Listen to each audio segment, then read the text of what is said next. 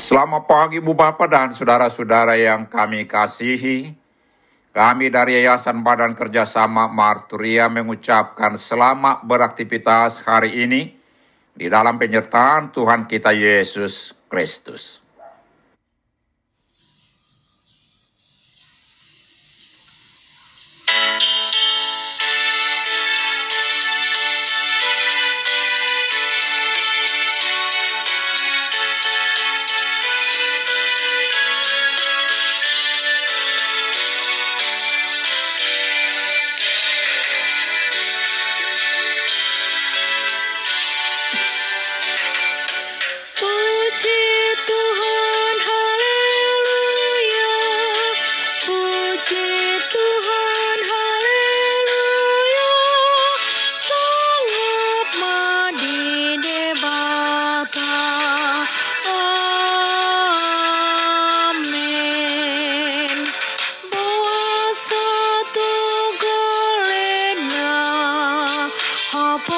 say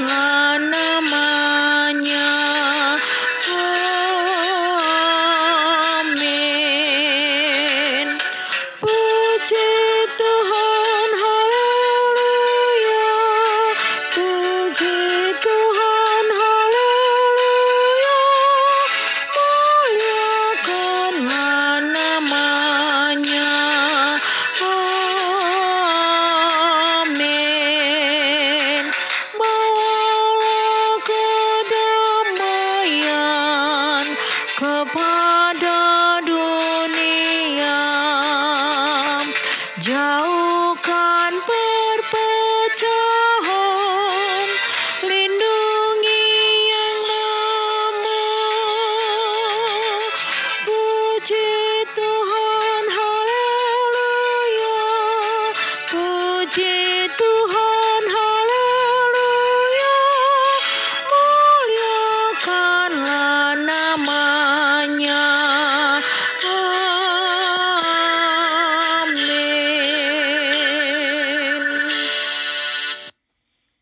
Mari kita berdoa.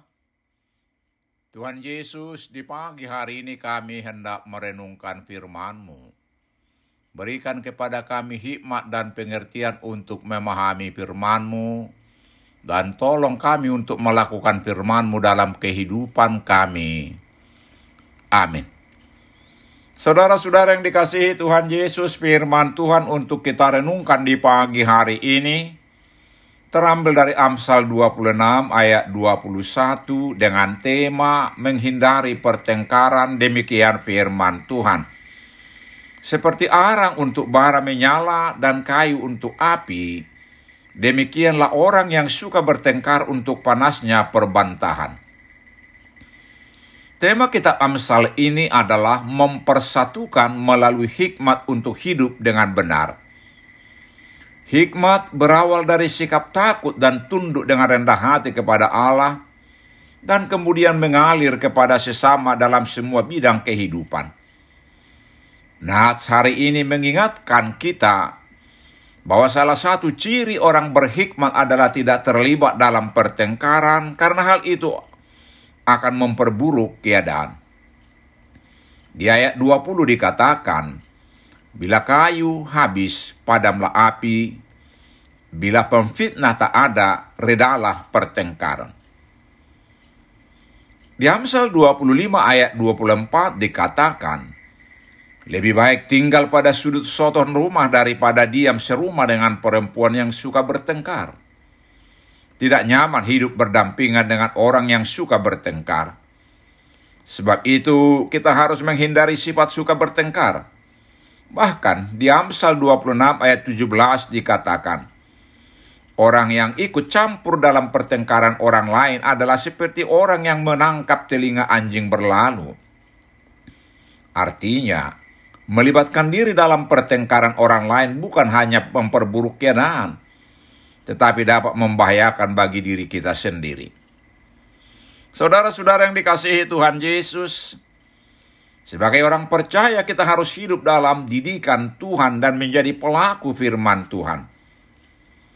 Mari kita mau dipimpin oleh kasih Kristus mendamaikan orang yang bertengkar, menguatkan orang yang lemah, menyatukan kembali orang yang bercerai dan memelihara kesehatan baik dari dalam keluarga jemaat, dan lingkungan kita. Di mana pun kita berada harus menampakkan misi Yesus yaitu membawa damai bagi semua orang. Yesus berkata, Berbahagialah orang yang membawa damai, karena mereka akan disebut anak-anak Allah. Matius 5 ayat 9. Dengan demikian orang akan mengenal kita sebagai anak Allah pembawa damai. Dengan demikian, keluarga kita dan anggota dan orang-orang di sekitar kita akan hidup dalam damai sejahtera Tuhan. Amin. Mari kita berdoa. Terima kasih Tuhan Yesus atas kasih karunia yang menyelamatkan kami. Mampukan kami menjadi pembawa damai kepada orang-orang yang suka bertengkar. Amin. Tuhan Yesus memberkati kita.